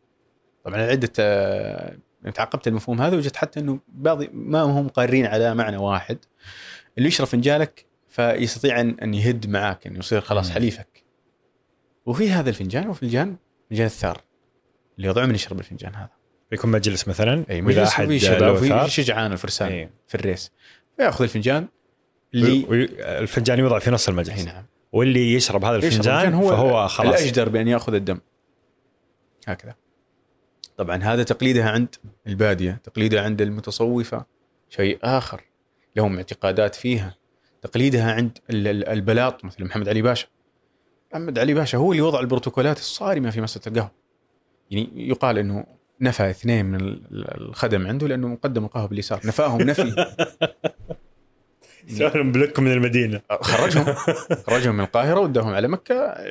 قام اجباري في مكة. عشان لا نغلط في القهوة يعني يا شباب يعني. يعني متى تدرب الحس ومتى ترقى البروتوكول يصل؟ قهوه شيء صارم. تدخل في البروتوكول تنهي الموضوع. بل إنه يستعاض بها عن الطعام. يعني خاصة لا تعشيني قهويني قهويني. فاهم نفس يجزئ. يا أخي لا. يعني عند عند الحين إحنا المتصوفه وصلنا وصلنا للسيف. إنها طعام وطعم و عذرا اسف وكان يعني مثلا بعد ال- الاعتقادات إنه القبض على البن يذهب الحزن. أي نعم. على حبوب البن. أيوه يقول لك أنت حزين يوصيك الشيخ مثلا شيخ يقول لك خذ قبضة من بن فاقبض عليها يذهب يحزن عجيبين. ويأخذ كلمة قهوة كذا فيقول لك القاف آه، للقوة آه، والهاء للهي- للهيام طب أعطيني والواو للوئام. هذا باليسار والله الآن فيك. محمد علي باشا. شركسي صح صح في فرق شوي بيني وبين محمد علي باشا في ال- في القوة والسلطة حاليا. يا أخي آه، واحد من ال- عشان ندخل على على باب ال- العولمة. دقيقة بس يا أصدقاء مربى الرائعين بقهوي آه، ضيفي اللي أنا ضيفه. سلام. في الثقافة ال- الغربية لو سألت يعني لو أنت الآن في مكانك كان جالس شخص أمريكي. وسألته عن القهوة. كان نص اللقاء تكلم لي عن المستقبلات في الدماغ والكافيين كيف يعمل وكيف هذا والإدمان. يعني كان آه، شيء الموضوع. كان خلاه مادي. كان خلاه لأنه تفكك الآن 100% كيف أثرت العولمة على القهوة؟ وكيف والله- هذا الأثر رجع لنا إحنا؟ وسؤال مرة كبير. نتذكر في عبارة قالها آه لويس مونفورد في كتابه هذا واحد من أكبر المؤرخين للمدنية. يقول العالم من اكتشاف الرأسمالية الع- العالم يتجه إلى التمدية إلى الكثير من التمدية. ان تكون الاشياء مادية أكثر والقليل من الأثيرة ان يكون لها أثير. يعني الشغلات اللي كان لها تحيزات مادية تحولت إلى مفاهيم. والشغلات اللي كانت مفاهيم تحولت لأشياء مادية. يتجه إلى نوع- من ال- ال- التمدي. هو طبعا ترجمة. نفس الفكرة. ال- دخلت القهوة بدا بوابتها للغرب استعمارية. يعني حتى يقال إنه أول دخول لها عسكري لأوروبا كان معركة بين الجيش التركي العثماني وجيش آه، النمساوي وقتها. انكسروا في ضواحي فيينا. انكسر الجيش العثماني. إيش كان طلباتهم؟ أسروا قائد الفيلق أو الكتيبة هذه.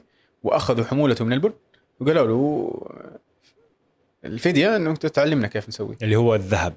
يعني كأنه الذهب. الذهب الأسود. أيوه. قال له تعلمنا كيف؟ طبعا ال- ال- ال- الضابط هذا استقال وراح فتح مقهى. يعني تش... هو قاعد يسمع عن في شيء غريب قاعد يغير العالم كذا في شيء قاعد يجتاح. طبعا لما- طبعا النمساوي نمسي طبعا. أيوه. وهذا يعني أنت رايح معركه اللي هامك شوالات البن يعني فاهم؟ هذا قصة وهذا قصة ثانية. ولما دخلت بريطانيا ال ال الأسقف. أسقف كنيسة شهيرة اسمها أظن كانتمبري أو نسيت بالضبط اسمها لكن كان يطلع يعظ الناس ويقول لهم هذه حبة محمد محمد سبين انتبهوا منها كانها مخدرات. هذه تريد أن تدخل إليكم حتى تغير عقائدكم محبه المحمديين هي قهوة يا سيدي الفاضل لكن لأنه للقهوة هذه القدرة على إنها تتطير إنها تحمل دلالات واسعة جدا. ما ولا ما كان كلامه مسموع. ليش بريطانيا؟ ما تسأل ليش بريطانيا فيها عادة الشرب الشاي أكثر من القهوه هذه المعركة. قال لك الثقافية. أيوه نعلي من شأن الشاي مقابل الغض من القهوة لأنه هي حبه محمد. مم. هذه الممارسة أدت إلى أنه يصير في طقس للشاي في بريطانيا. تنظر إيش كان عند بريطانيا؟ كانت مستعمرة الهند سيلان وكلها منتجة للشاي فكان وسيلة للرد على اجتياح القهوة والناس بدأت تجنح ليها في لندن لا جيبوا الشاي ورخصوا سعره واعملوا له وفعلوا له جيبوا فصار في ساعة الشاي وساعة ال... وصار عندنا شاي يوصلنا اللي هو له الإنجليزي، ال- ال Grey. English tea فهذه واحدة من الهامشية البسيطة اللي تشرح لك إيش؟ تشرح لك طقس عالمي أو روتين لدولة عظمى زي بريطانيا. حاجة بسيطة حبة بن. طبعا لا أحكيك عن عن الأطباء اللي قاموا في فرنسا. طبعا ألمانيا قامت تعلي من إيش؟ من شأن البيرة مقابل القهوة. قال لا تلك من البيرة أفضل من انك تشرب من هذه القهوة لأنه هذه يقول لك إذا تمكنت من قلبك إذا تمكنت من قلبك ما فيها تصبح مسلم. قلنا لك. أي تشرب يعني كان واحد من يعني سذاجة موجودة. يعني الناس قاعدة تصور إنه كان في هذا المقاومة في أوروبا للقهوه إيه. كونها إيه منتج طبعاً. إسلامي. منتج إسلامي طبعا. اليوم تعال دور. أيوه هذا يعني يعني اليوم تعال يا راجل يجحدك جحيد. أنت لو أنت تبغى منه قهوة ما يعطيك. يقول لك ما في. اللي يدفع أكثر. يعني متى متى انفك هذا الارتباط؟ شوف حاص صارت صارت أمر واقع. خلاص دخلت تمكنت الناس شربوها ما في شيء قاموا الأطباء طبعا في الكليات ال- الملكية والكليات اللي تتبع ال- ال- الكنيسة والقهوة فيها وتضر الدماغ وتفعل وتسوي. ما في. تفعل وتسوي وتصنع. ولا حاجة. جزء بسيط تأثر باعتبار خلفيته العقدية. الباقي لا يا عمي. آه، شرب والأمور طيبة وما في أي مشاكل. عادت لنا. إيطاليا برعت في موضوع الإسبريسو دوبها طالع المكاين البخارية. طبعا بالمناسبة المكاين صناعتها ما كانت كانت فرنسية مكاين الاسبريسو أصلا. أيوه. لكن إيطاليا اللي قالت تعال يا ود خلينا نضبط لها هذا كذا وهذا كذا والأسماء ال- الكابتشينو مثلا والكاب أنا بس على إذنك بسوي تعديل في الكاميرا. خذ راحتك أنا أكمل. إي كمل كمل معك. طيب. تبي تبي بس؟ لا بس أنا ما كنت أتكلم بس تبي هذا بيطيح يا حاتم. عذرا بس لسبب ما الإضاءة اللي عندي طفت. لا بس بالعكس كذا. فأهم شيء اضاءه الضيف لم لم تطفي. ولا هذا نورك؟ هذا نورك آه, آه نوري صح. عذرا الحاصل إنه هي تمكنت بدأت تعود لنا. طبعا الأمريكان طبعا كان أكبر مستورد من اليمن أمريكا. حاولت حاولت حاولت حاولت إن هي تأخذ النبتة هذه. ما. أول ما صارت البرازيل تنتج اقطع علاقاتك التجارية باليمن وامسك البرازيل أقرب لي ولا المشوار اللي اضربه إلى رأس الرجاء الصالح. أمريكا رأسمالية نظام فيها عملي ما يحتاج إلى كثير من التزويق هي قهوة وماء قهوة أمريكية. إيطاليا ناس محبة للفنون والنحت والأمور. تجد أنه انطبعت هذه ثقافتهم على القهوة. صار يطلع عندك الكابتشينو صار عندك ال- الكورتادو صار عندك بالمناسبة يعني. هذه بعد ما صارت الأجهزة أي بدأ العصر البخاري. اللي فيها ضغط وكذا. أي الضغط وصارت الماكينة. في ناس كثير تظن إنه القهوة بالحليب ما عرفت إلا من الغرب. وهذا أمر خاطئ. هذه حقتنا. أنا أنا صاحب كتاب العباب في فقه الشافعي والأصحاب. اللي هو أحمد بن عمر المزجد السيفي المذحجي الشافعي رحمة الله عليه شيخ مشايخنا. هذا الرجل في نهاية حياته كان. يعني الرجل يشرب قهوه بشكل يومي زبيدي هو من زبيد. آه... نهاية حياته قال له الطبيب قال له أنت ما تقوى بطنك متهتكة ما تستطيع انك تشرب قال والله ما أقدر. ما أستطيع أفطم نفسي عن هذا المشروب. صار يضيف عليها الحليب يخفف من قوتها. هذا الكلام عام 926 أول لاتيه. تقريبا. شوف اسمه كذا يبيع إيه، لكن. تسميها مزجدية. أنا اناديها المزجديه أنا وبعض الأصدقاء. اسمه مزجدية. هو المزجد. يعني الكوب آه. هذا أو القهوة هذه المزجدية القهوة البكرية والشاذلية والمزجدية. تعرف إني قاعد أشتغل على مقهى الآن يا ماجد صح ولا لا؟ آه، أنا أشتغل branding وكذا مخليني أروح أسميه لاتيه؟ لا أنا أباك تبيع. والله أنا عادي؟ أخسر إيه. أنا زبون فاسميها مزجدية ما, ما نقصه من من مالي شيء لو أسميها مزجديه شوف ممكن تضرب خلينا نستفتي والله نستفتي الناس إيش. إيش رأيكم؟ أنا قاعد الآن أشتغل على مقهى إن شاء الله بيكون في جدة أسمع أنا أنا أنا مرة قلت دحين يجيك واحد صاحب مقهى ويروح يطبقها خليه الله يوفقه ولا؟ وأنا اقعد فقير كذا صاحب الفكرة آه طب إيه، خلاص لا. طيب اللي عنده فكرة فدا. ترى الحقوق عند ماجد ها؟ اي بلاش واضح هذا مسجل وموثق إيه الشاذليه طب طب الكود دقيقة. برو كان موجود؟ دقيقة إذا أحد عنده فكرة يبغى يسوي آه، مقهى. مقهى يعبر عن هذه القصة الكاملة. بشكل عام. بشكل عام أو مشكلة. أو يعني هويته تكون مرتبطة بهذه الفكرة. وأنا شغال مع أكثر من مقهى بالمناسبة. يكلمك. ف- أو لا أو لا يكلمك لأنك شغال مع. المقهى. لا بالعكس. يكلمك. إيش المشكلة؟ يكلمك. مزجديه واو جميلة. والله. ف... مو أبيض منبسط. والله ترى في في مقاهي. قال لك تحدث العربية الأبيض المنبسط. يا عمي يا ما؟ هو شوف الأبيض المنبسط له أسماء. طبعا يجيك واحد ويقول لك هي في النهاية هذه نسبة مرحبا. نسبة الكذا لنسبة الكذا خلها. خلاص. صح؟ الاضاءه قررت تشتغل هنا. صارت آه، أنا صار وجهي مشرق. خلاص مو مشكلة. كيف. أنا أهم شيء لا لا أنت أهم شيء طيب. امورك طيبه هذه إضاءة جديدة وكذا شريناها بعد ما جت رعاية من رسول ف هي خشعت. اي ما أدري. هي طفت شوي. طيب عموما. حصل خير. ما آه. اي صح صح, صح. ال- الحاصل إنه كان لكل هذا اسم لكل نوع من أنواع القهوة ال- ال- القهوة القشرية. اليوم كسكارة اسمها وتباع بغالي الأثمان.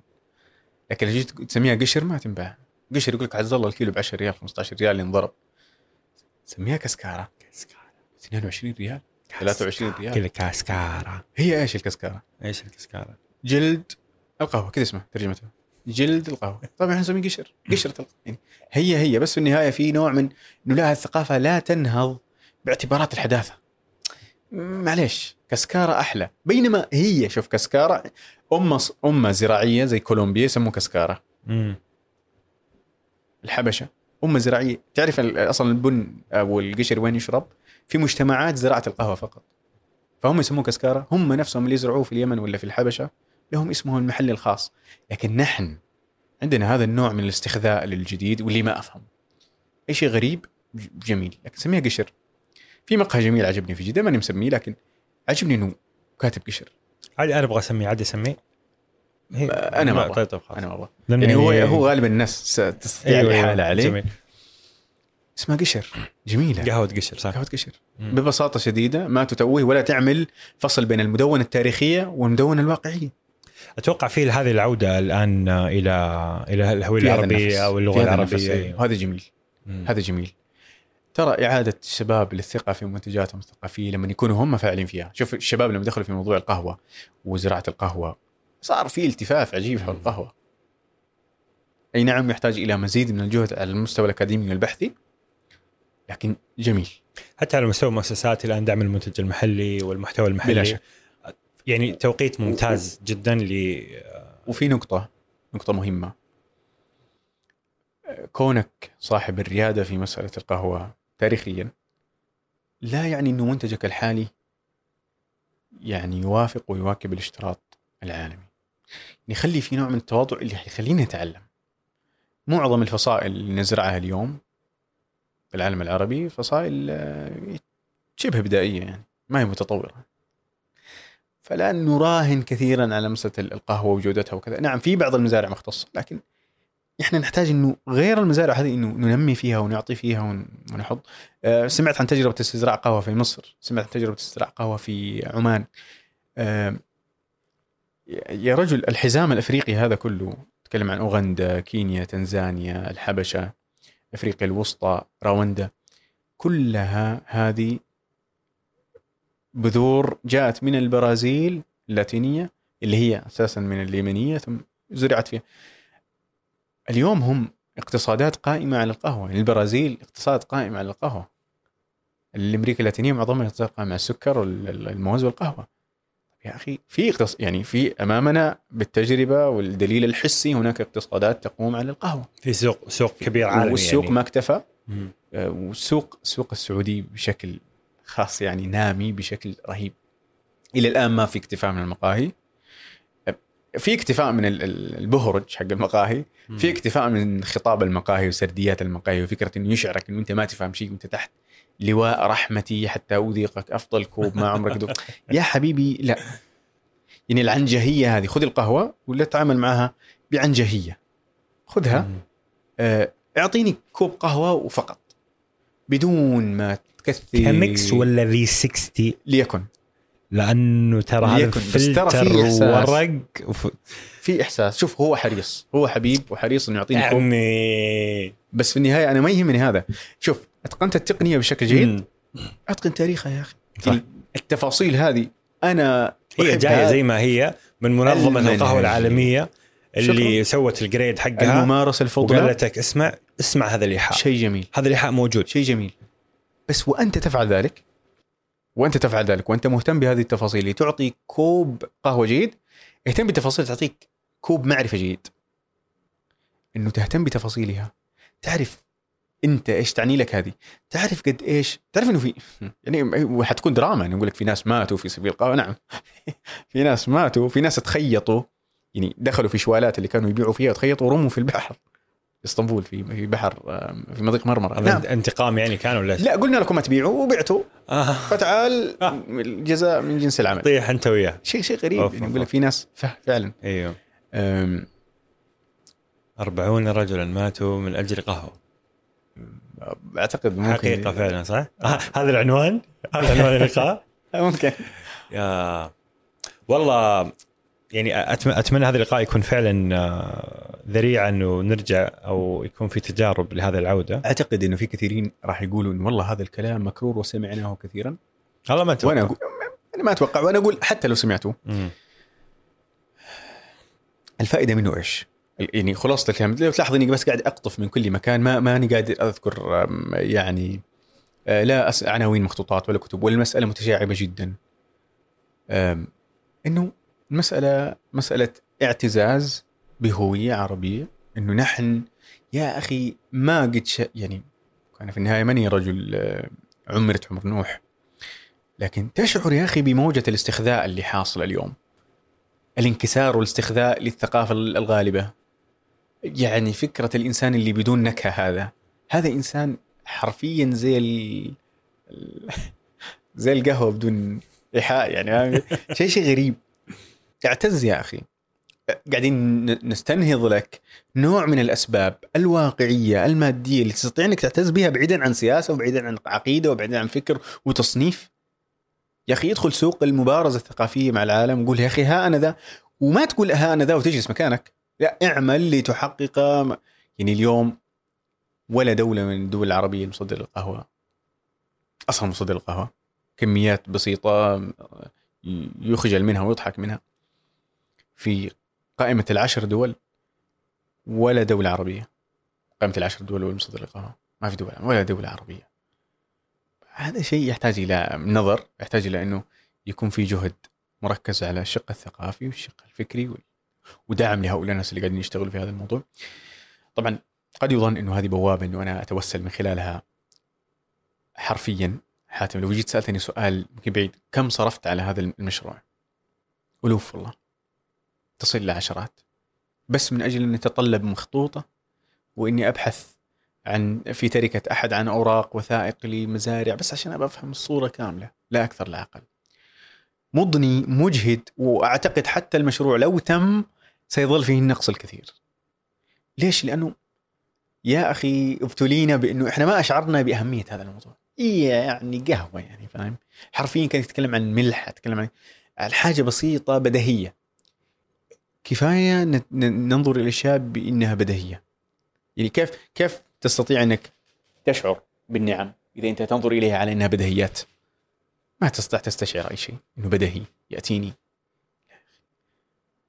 اغلق هذا ال- ال- ال- المنظار وقول يا أخي خليني أعيد تقييم المشهد من جديد. خليني أقول لك عمليا هل موضوع البحث في القهوة بيجيب فلوس؟ خلينا نتكلم على branding wise أيوه. وأتكلم على مسألة كتابة محتوى. حلو. بلا شك يجيب فلوس. يعني إذا أنت كاتب محتوى. خصوصا الآن أنا شايف هذا التوجه العام أنت شايف الناس يعني يعني فوق مقاهي. إيش محتاجه؟ عنده القهوة عنده الماكينة وعنده كذا. تبغى قصة تبغى تبغى هوية. قصة وتبغى هوية وتبغى تسويق وتبغى هذا مضحك جدا إنه أنت تت... أنا أتكلم على وزارة أو مؤسسة. في اليوم العالمي للقهوه تكلمت عن القهوة. بمعلومات مأخوذة من مقال لمجهول واحالات بدون مصادر وهي مؤسسة محسوبة على العلم ترى لما تشوف هذا كل إيش اللي كان كاتب المحتوى طبعا هو اللي المسألة أنت كاتب المحتوى كاتب المحتوى اصطدم ب... ب... ب... جوجل ويكيبيديا بغير- ما في السلامة. مصادر. لو في مصادر خلينا نف- نفترض إنه في مصادر ما في منهجية لقراءة المصادر بالتقييم يعني المسألة ما رتبت ولا نظمت إلى اليوم. فإيش الأسهل؟ الأسهل إني آخذ الطارف المعلومة اللي ما راح يناقشني فيها أحد. ليش؟ لأن أنا قاعد أعول على السبات الثقافي اللي قاعد يحصل. يهمني في إيه القهوة طلعت من هنا؟ أنا يهمني إيش؟ بيع. إني أبيع إني أشرب إني أست- أستمخ وأخذ صورة. هذا المهم.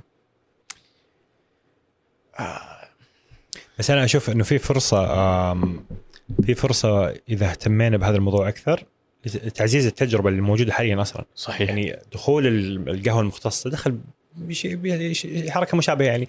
هذه لها قصة وهذه لها مثلا يقول لك الاثيكال إيش يسموه؟ الزراعة الأخلاقية ونحن نشتري وكله تريد وكله كيس كله كيس هذا كله رأس حمايه لي كله كيس رأس مالي بيحمي لك اكبر نعم. أكبر مزرعة. نعم. فاهمين؟ مو فاهمين الناس مو فاهمين. الناس مو فاهمة. يقول لك لا إحنا ما نشتري إحنا نشتري من المورد مباشرة نشتري من المزرعة. إحنا نكسر ال- ال- هذا وإحنا هو نصاب هو يبغى يحتكر المزرعة هو أصلا بيحتكر المزرعة بيحتكر فيفرض المزرعة. عليها لا, لا يبيع. للموزعين أيوة، إيش. شك. بس لا جابها بكذا شيء أخلاقي. وأنا يا يلا يا فيجنز يلا يا شباب الأخلاقيين أنتم تعالوا اشربوها. بس في قصة كان. في قصة. فمشت القصة القصة يعني تمشي. فعندنا قصة. في إحنا عندنا قصص عندنا تراث نطفو على تراث. وعندنا السند يا أخي هذه ترى آلة أمة هذه إسنادية. قوة يا أخي. عندنا سند. إحنا أمة إسنادية. على كل شيء على على القهوة عندنا سند. عندنا سند على كل شيء. أنت لما تيجي تقول أنت شربت القهوة عن ما أنت تعرف إنه في في كذا ش- مسلسل بشرب القهوة يعني مثلا أنا شربت. القهوة عن فلان عن. فلان عن فلان عن فلان عن فلان عن فلان عن عمر الشاذلي مثلا. أنت ت... أنت تقدر أنت تعرف عمر الشاذلي هذا. هذا ليس شخصية أسطورية زي كالدي عمر الشاذلي هو جدي. أنا لحم ودم. هو رجل معروف وله ذرية إلى اليوم. فهم يعني دليل الواقعي الحسي هذا الرجل نقل آه، كافة عن كافة. مع ذلك يزهد في هذا.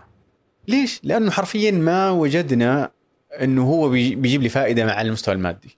لكن لو صار في توظيف له على المستوى المادي إحنا نبيع محتوى للعالم ب- بمبالغ. نكون حريصين. في شباب أمانة على مستوى تطوير القهوة شغالين شباب عرب سعوديين على مستوى تطوير التحميص شغالين وفي نتائج مبهرة ست- ستخرج عن قريب. يعني أتكلم هذا النوع من الناس اللي قال لك يا عمي هذا اللي وصلوا سقف لكن يعلو عليه ليش ما يعلو عليه؟ نقوم طابق ويقوم فوقنا طابق ونصعد.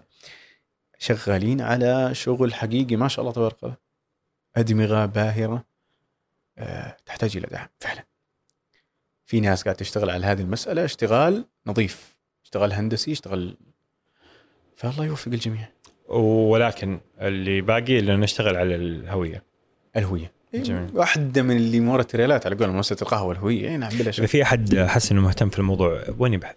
أنت تقول لي أنا أذكر كنت تروح تشتري مخطوطات تروح في المكتبات يدخلك. يدخلك الغرفة اللي ورا شوف أنا آه، في في كتب عن القهوة.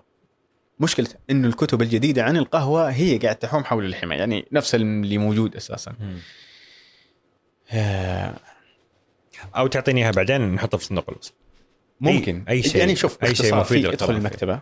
اكتب الم- ال- ال- المكتبات العامة فيها كتب عن القهوة كثيرة. من الموجودة عندك عمدة الصفوة في حل القهوة لعبد القادر الجزيري يعتبر يعني أول كتاب آه، خلاص في له كم؟ عام 971 حلو. تقريبا نعم. عمدة الصفوة في؟ عمدة صفوة في حل القهوة إثارة النخوة في حل القهوة. عندك إناس الصفوة بأنفاس القهوة يعني كتب كثيرة مخطوطات. خلي الناس تقرأها. بعضها تجدها في كتب الفقه.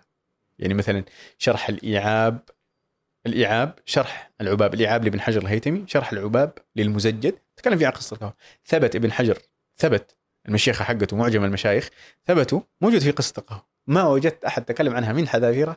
ثبت حديثي إسنادي يروي فيه عن علم آه، عن مشايخه. تكلم فيه عن القهوة هذه هذه من وجدان العلم في غير مظانه طبعا المصادر اللي أنا وقفت عليها أكثر من 200 مصدر. ما استطيع أقولها كلها. لأسباب منها إنه أنا شغال أصلا على المشروع والاسباب إنه يعني هي بحثية. فالإحالة عليها من باب تضييع. هو يبغى معلومة جاهزة. الناس ما تحتاج انك ما كلهم باحثين. أيوه نبغى الكتب اللي اللي, اللي نقراها. هذه الموجودة. جميل. جميل. أخي لا كيف شو؟ لك ترى ترى يمكن سنة كاملة وأنا أقول ماجد ماجد ماجد لو سمحت يلا ماجد لو سمحت يلا ماجد لو سمحت يلا. سعيد آه، الله يسعدك يا حاتم. على هذه الفرصة واشكر أتمنى إني وفقت حقيقة في وفقت جدا. شوف الموضوع والله كبير. وأنا أزعم إني ما تكلمت إلا في أقل من 10% منه. الموضوع بحر. طبعا سيبك من إنه وقفت على موا... ال- ال- ال- الوثائق ل... للتراتيب الجارية قبل 50 سنة قبلها ب 100 سنه. قبلها ب 200 سنة. إيش المجالس؟ أنواع القهوة كيف كيف تطورت كيف تحورت. هذا موجود في ثقافتنا وتراثنا والله مزهود فيه. وإن شاء الله يخرج قريبا في أفضل حلة بإذن الله. بإذن الله. سعيد والله باللقاء يسعدك. شكرا وأتمنى انه يكون مرجع آه، يمكن نقطة بداية للكثيرين. إن شاء الله. موضوع غافلين عنه تماما. إن شاء الله. بس آه، طلع مليء جدا بال بالثقافة والتاريخ والهوية الجميلة. شكرا ماجد.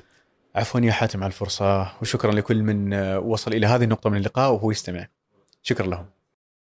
أصدقاء مربع الرائعين شكرا لاستماعكم كامل اللقاء. أتمنى أنكم استمتعتوا واستفدتوا من كلام ماجد وتجربته الثرية في البحث عن أصل وقصة القهوة وهويتها وهويتنا معها.